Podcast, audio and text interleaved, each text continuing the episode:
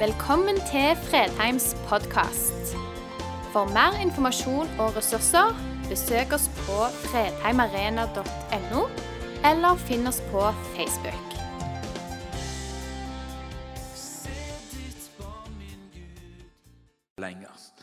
Dagens tekst finner vi i Johannes evangeliet kapittel 16, og fra vers 21 til 24.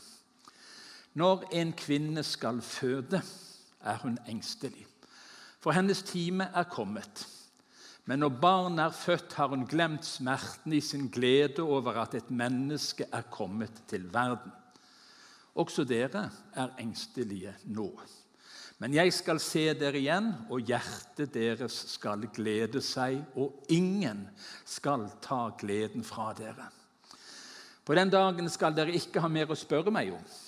Sannelig, sannelig, jeg sier dere, hvis dere ber Far om noe, skal Han gi dere det i mitt navn. Hittil har dere ikke bedt om noe i mitt navn. Be, og dere skal få, så deres glede kan være fullkommen. Vi er inne i dagene før påske. Like før Jesu død, oppstandelse, de dramatiske begivenhetene. Så I dagene før så holder Jesus en preken. En, på en måte en avskjedstale, en oppsummering. Og det, Jeg vil bare anbefale deg å lese disse kapitlene 14, 15, 16, 17 i Johannes evangeliet. Der kommer Jesus inn på så mange spennende ting som har med troen å gjøre, og etterfølgelsen av Jesus. Og så møter vi en flokk med disipler som er spørrende, og de er urolige. De forstår absolutt ikke hva som er i ferd med å skje. Jesus taler på en måte som gjør de litt engstelige, usikre, redde. Hva er det som holder på å skje? Om en liten stund, sier han i vers 16 i dette kapitlet, om en liten stund ser dere meg ikke lenger. Men om en liten stund skal dere igjen, igjen se meg. Og så ligger det to lag i denne teksten. La meg bare si det. Noe av det Jesus snakker om, skjedde dagene rett etterpå. Hans død. Han for ned til dødsriket. Han sto opp fra de døde. Han forlot de, og de var fryktsomme, og de lurte på er alt dette med Jesus bare et eventyr.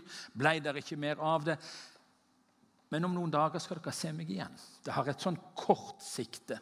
Men nå i adventstiden så er denne teksten har den et mye lengre sikte. Den handler like mye om at en dag så skal Jesus komme igjen. Og det er noe med denne ventetiden som kan være krevende. Og fedre og mannfolk, følg med. Nå kommer et ord til oss. Gjennom det som teksten sier om kvinner som forstår noe bedre oss, spesielt de som har født. Når en kvinne skal føde, er hun engstelig. Og mannfolk vi er jo så engstelige at mange menn ikke tør engang å være med inn på sykehuset og se konen sin føde barna sine. For det er så forferdelig å være mann. Å måtte se på det forferdelige som skal skje, eller fantastiske. Så Jeg har møtt menn som har sa det. Nei, jeg har både tre og fire unger, men jeg har aldri vært med på Jeg orker det ikke. Og så skal kvinnen, altså mødrene, gå gjennom det. Når en kvinne skal føde, er hun engstelig, sier teksten. Og Bibelen bruker altså den situasjonen i mange tekster som en sammenligning. Disse fødselssmertene, disse veene, det som går forut for fødselen det krevende en kvinne, en mor, må gå gjennom når hun skal føde. Og så bruker altså Jesus og Det nye testamentet det som et bilde på de siste tider. Første Tessalonikerbrev så står det da kommer plutselig undergangen over dem, brått som veer over en kvinne som skal føde. Og så sier dette oss noe som jeg tror dere kvinner forstår bedre enn oss menn det sies noe om at det er en periode, det er en smerte i en ventetid. Det er noe fantastisk som skal skje. Men mens vi venter på den forløsningen, den fødselen, den gleden, så er det en tid som innebærer smerte og uro, utrygghet og usikkerhet. Nå kan vi si det varer ni måneder, eller det er ikke alle månedene som er helt like. Men de der siste dagene når veene begynner, når smertene kommer, og disse sammentrekningene, så blir de bare sterkere og sterkere, mer og mer smertefulle. Og ære være kvinnene som står i det. Skal vi ta en liten håndsopprekning, en liten sjekk? Hvem tror at det hadde blitt født flere barn hvis det var mennene som skulle føde dem? Min enkle teori er at det hadde bare vært enebarn hvis det var menn som skulle føde barn. Jeg tror ikke vi hadde tålt smerten. Og så går kvinnen gjennom det gang etter gang etter gang. På en forunderlig måte. Og så ser du det skjer faktisk at når det barnet er født, så glemmes ofte smerten. Forunderlig å se hvor fort det kan skje. For når Oppfyllelsen er der, barnet er der, ligger på mors fang.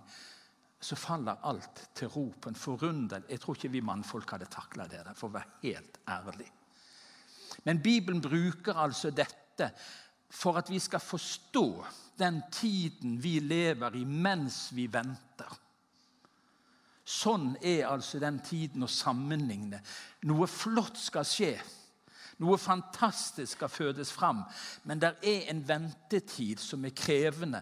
Og det er en periode rett før dette skjer, som er smertefull og utfordrende.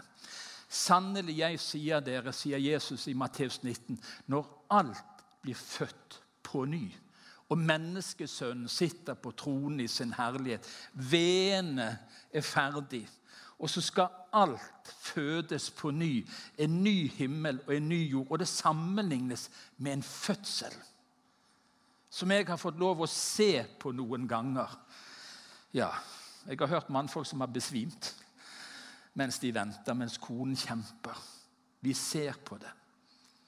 Men for oss som tror på Jesus, så vet vi at den smerten som må gå gjennom den ender på en helt annen måte. Når barnet er forløst, så kommer gleden. Og I Lukas så sier Jesus det, men når dette begynner å skje, da rett dere opp og løft hodet, for da er deres forløsning nær. Det er de samme begrepene som brukes. Vea, ny fødsel. Og så kommer der en forløsning.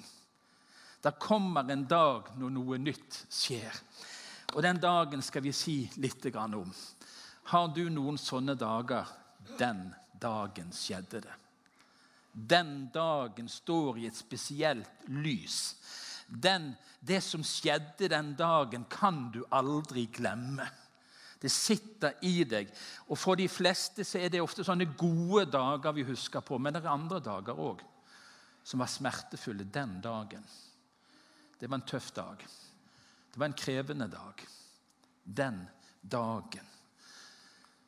På den dagen skal dere ikke ha mer å spørre meg om. Og Disiplene var fulle av spørsmål. De var fulle av undring. De var, Etter å ha vandra sammen med ham, så var de ikke helt trygge, ikke helt sikre. De visste ikke hva som lå foran. Og det var så mange spørsmål og utfordringer. Og jeg tror de fleste av oss, om dere ikke har sunget den sangen, for du må være over 50 tror jeg, for å ha sunget den sangen Hvor underlig er du i alt hva du gjør? Hvem kan dine veier forstå?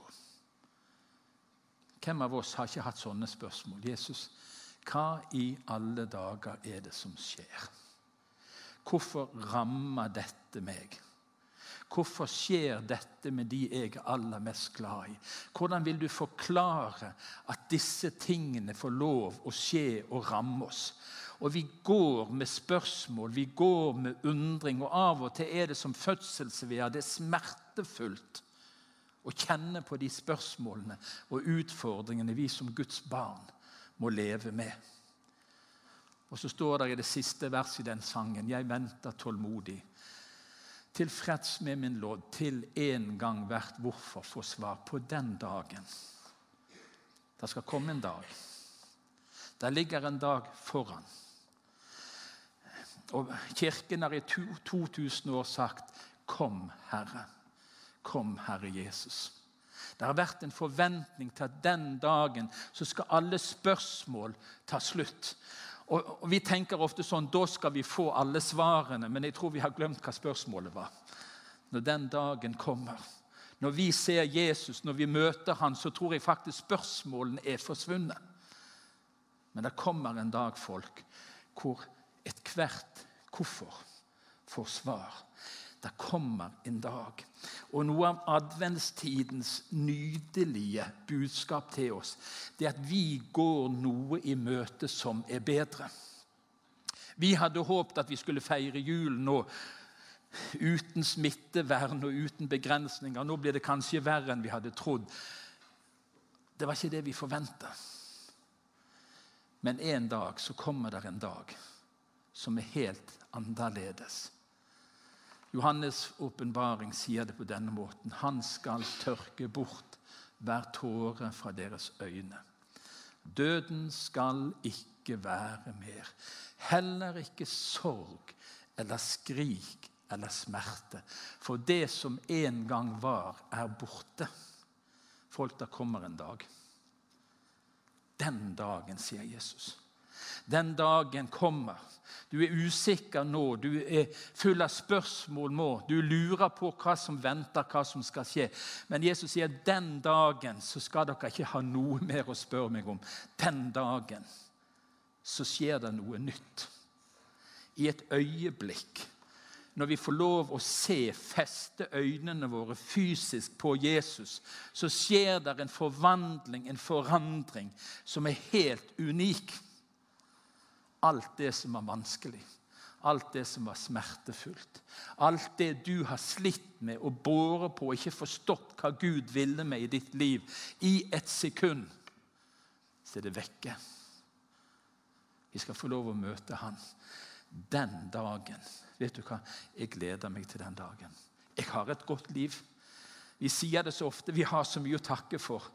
Hvorfor klager vi i det hele tatt? Så velsigna som vi er, men likevel kjenner vi på noe som er utfordrende og krevende. Og Nå kan det hende at det er fordi jeg begynner å bli gammel. Men jeg kjenner det. Jeg gleder meg til den dagen. Og Bare den liksom setningen har gått litt, de to ordene. Den dagen. Nå gleder vi oss til julaften, kanskje. Nå gleder vi oss til noe som ligger foran. Og det skal vi få lov å glede og fryde oss over. Men det kommer en dag, folk. Det kommer en dag. Skal vi reise oss? Skal vi synge? Gammel sviske fra bedehuset. Vær med og syng det. Og ta det innover deg. Hvilken dag det skal bli når min Jesus jeg får se. Nå for hans fot jeg kneler ned, som en gang døde i mitt sted. Når han tar meg ved sin hånd og leder meg til løftets land. Hvilken underfull dag det skal bli. Og Nå vil jeg høre dere synge det ut. Hvilken dag det skal bli. Når min Jesus jeg får se, når for hans fot jeg kneler ned, som en gang døde i mitt sted. Når han tar meg ved sin hånd og leder meg til løftets land. Hvilken underfull dag det skal bli. Vær så god, sett deg ned. Og så er det min bønn at den dagen ikke kommer som en domsdag i ditt liv, men som en forløsningsdag. Så er det min bønn at du som er her på Fredheim i dag, Og du som følger oss på skjermen, at den dagen kommer som en gledens dag. Som en frelsens dag. Som en forløsningens dag. Og det gjør det for alle de som venter på Han, og som har slått seg i følge med Jesus. Vi sier ofte når vi ber i Jesu navn Amen. Det er en liten sånn sak om bønn i denne teksten. Hittil har dere ikke bedt om noe i mitt navn, sier Jesus. De var i en overgangstid. De ba til Gud, Faderen, Skaperen. Så kommer Jesus på banen, og så kommer det et nytt element inn i det som har med en kristen bønn å gjøre. Og I dag er ikke dette sånn dagen for de mange spørsmålene knytta til bønnens makt til bønnens muligheter og bønnens mange spørsmål. Når svarene venter, når vi ikke hører noe, når himmelen synes taus. Teksten sier 'be, og dere skal få'. Og Jeg tror mange av oss trenger å bare Jesus, lær meg å be. Lær meg å be. Det ligger en mulighet der. Det ligger et løfte der. Det ligger noe du har sagt og knytta løfter til, Herre. Lær meg å be. Men det som er så nydelig, som denne teksten bare kommer innom på en enkel måte Jesus har åpna veien for oss inn i Guds den allmektiges nærhet. Vi kommer ikke i vårt navn lenger. Vi kommer i Sønnens navn. Vi kommer i arvingen sitt navn, omtrent, for å bruke det bildet. Vi kommer i hans navn, som har åpna veien like inn i det aller helligste. La oss derfor, skriver Hebreabrevets forfatter, la oss derfor frimodig tre fram for nådens trone, så vi kan finne barmhjertighet og finne nåde som gir hjelp i rette tid. Ta, ta, deg en bitte liten tenkepause. Er det alle bønnene dine som passer å be i Jesu navn? Ja, hva, hva, mener du med det? Kjære Gud, jeg har levert inn en lottokupong, og i Jesu navn måtte jeg be om Ja, altså, Forstår du? Det er mange rare bønner. Gud, hjelp meg med det. og hjelp meg. Jeg har ikke lest så mye til prøven som jeg skulle, men hjelp meg i din nåde likevel i Jesu navn. Dette i Jesu navn hjelper meg til å tre et steg tilbake og si Jesus, er dette i overensstemmelse med din vilje? Er dette det gode som du gjennom Skriften har lært meg jeg skal be om? Er dette noe som ligger på ditt hjerte, eller er det bare en egoistisk bønn? Jakob skriver det i Jakobs brev. Vi får ikke fordi vi ikke ber. Og så ber vi ille i tillegg ofte. Vi ber mange rare bønner. Vi sier av og til det at bønnene går forbi taket. Av og til er glad for at noen bønner stopper i taket. At ikke de kommer stort lenger. Det å be i Jesu navn, folk, det å be etter Hans vilje. Det å be etter det som ligger på Guds hjerte framfor alt. Og da vet vi at det er noen bønner som heter Hans hjerte. Vi ba det nå. La din vilje skje. La viljen din skje. Og For meg er det det tryggeste jeg har lært i mitt bønneliv. Det å be Jesus la din vilje skje. Jeg har mye egen vilje. Jeg har mye jeg har lyst til, det er mye jeg har lyst på. Men tenk å få lov å be i Jesu navn. Be i Jesu navn. Så skal vi bruke litt tid på slutten med det som på en måte har blitt en sånn oppmuntring i møte med denne søndagen og denne teksten. Det handler om en fullkommen glede, så deres glede kan være fullkommen. Jeg googla noen sånne der eh, fyndord om glede. Du finner jo alt nå hvis du googler det. Pete Hein, den danske si, dikteren, poeten, og han var en sånn godt skrudd sammen person som kunne det meste. Hvis du gleder deg med mangt, gjør du livet rikt og langt. Høres fint ut. Den positive tenkningen. Eller en som sa den største gleda en kan ha, det er å gjøre andre glad. Vi liker glede, vi liker begeistring, vi liker de gode følelsene som gleden bærer med seg. Og det er sunt for oss, og det er godt for oss å kunne møte livet på denne måten. Men Hvem av oss har ikke opplevd det? At positiv innstilling ikke er nok. Det er situasjoner som ikke endrer seg med positiv innstilling. Det er utfordringer vi ikke kommer i si, balanse med, selv om vi prøver aldri så mye som vi kan. Og hvor mange ting har vi ikke gleda oss over, hvor gleden ble så kortvarig. Jeg fortalte på Vi over 60 på torsdag eh, om den dagen jeg fikk mitt første par slalåmski. Julaften når jeg var jeg tror jeg var 13 år. Så hadde jeg ønsket meg slalåmski og aldri trodde jeg skulle få det. Og så fikk jeg et par knallblå slalåmski med gul såle under. Han var sjølysende. Og fredag den 13. januar så skulle jeg prøve de for første gang, for da snødde det i Bergen. Og Før vi reiste til, til fløybanen, eller til Fløyen for å gå på ski, så ba meg og mor at det måtte gå godt, siden det var fredag den 13. Og Da forstår du hva som skjedde. På veien ned ifra Fløyen, nesten ned med Skansemyren, så tok jeg igjen en dame og holdt på å kjøre på henne. Under ropte jeg, og så svingte jeg til venstre. Hvor tror du hun svingte? Til venstre.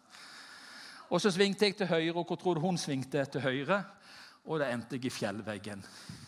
Og de nye skiene knakk. Kortvarig glede.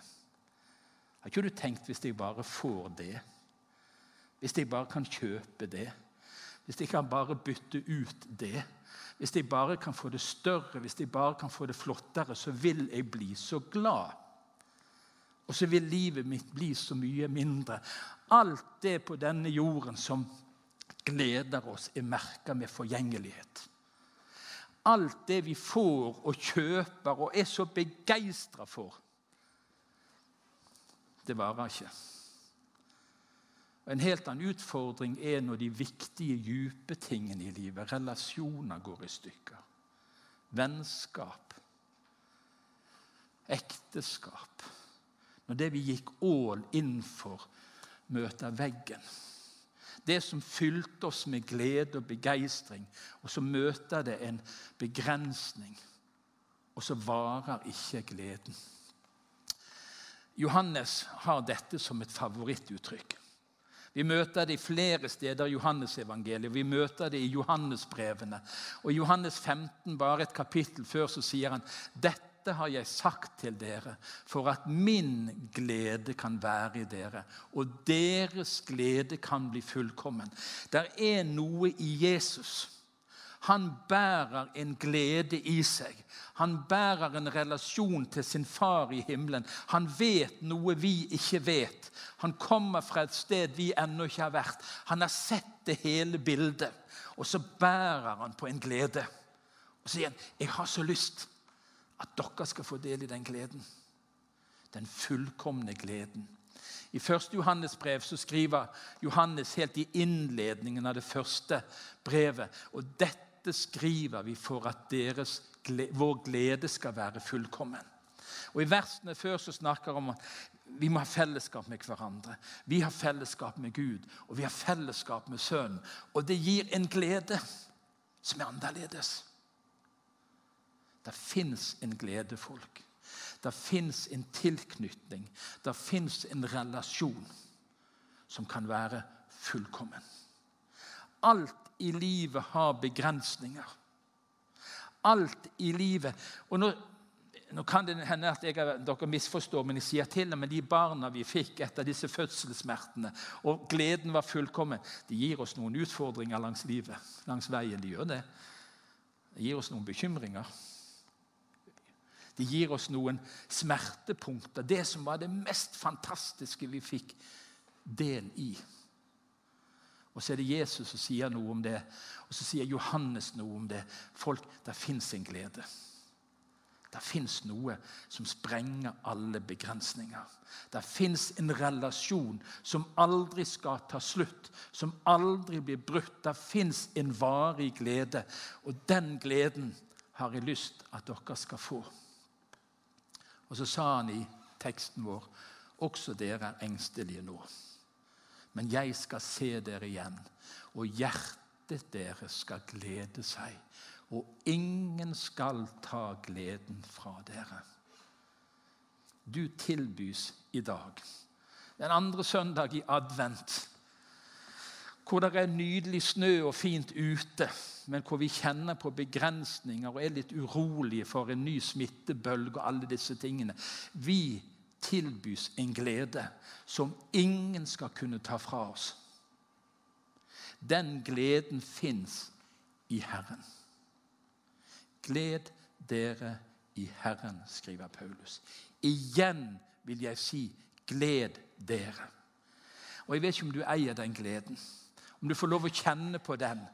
At du har noe som er uforanderlig, ubrytelig, som ingen kan ta fra deg uansett.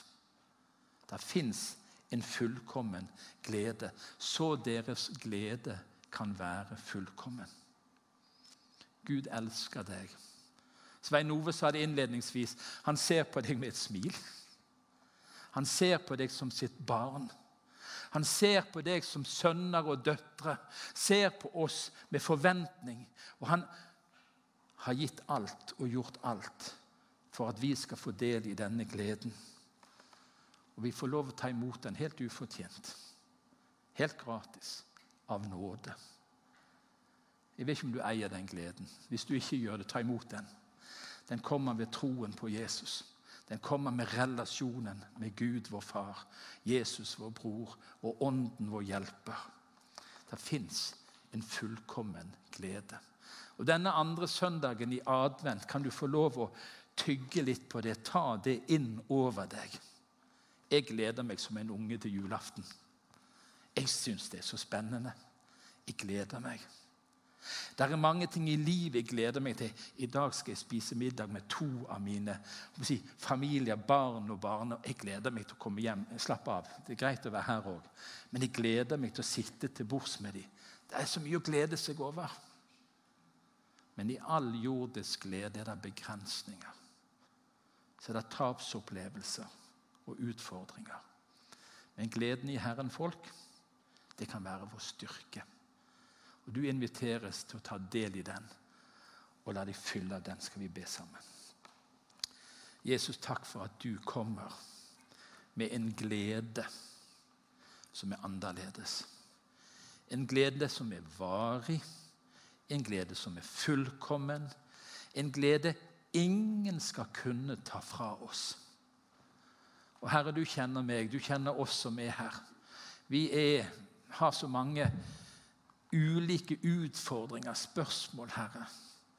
Takk for at det kommer en dag da vi ikke har noe mer å spørre om.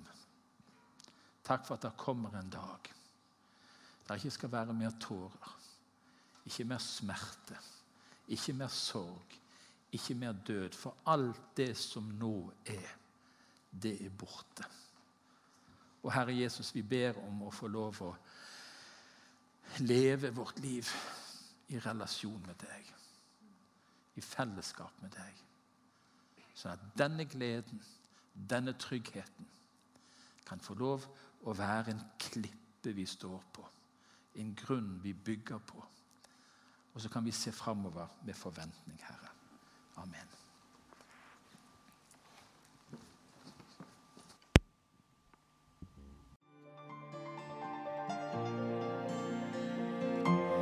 For at du valgte å høre på. Nye opptak legges ut hver uke. Vi har gudstjenester hver helg, og du er hjertelig velkommen.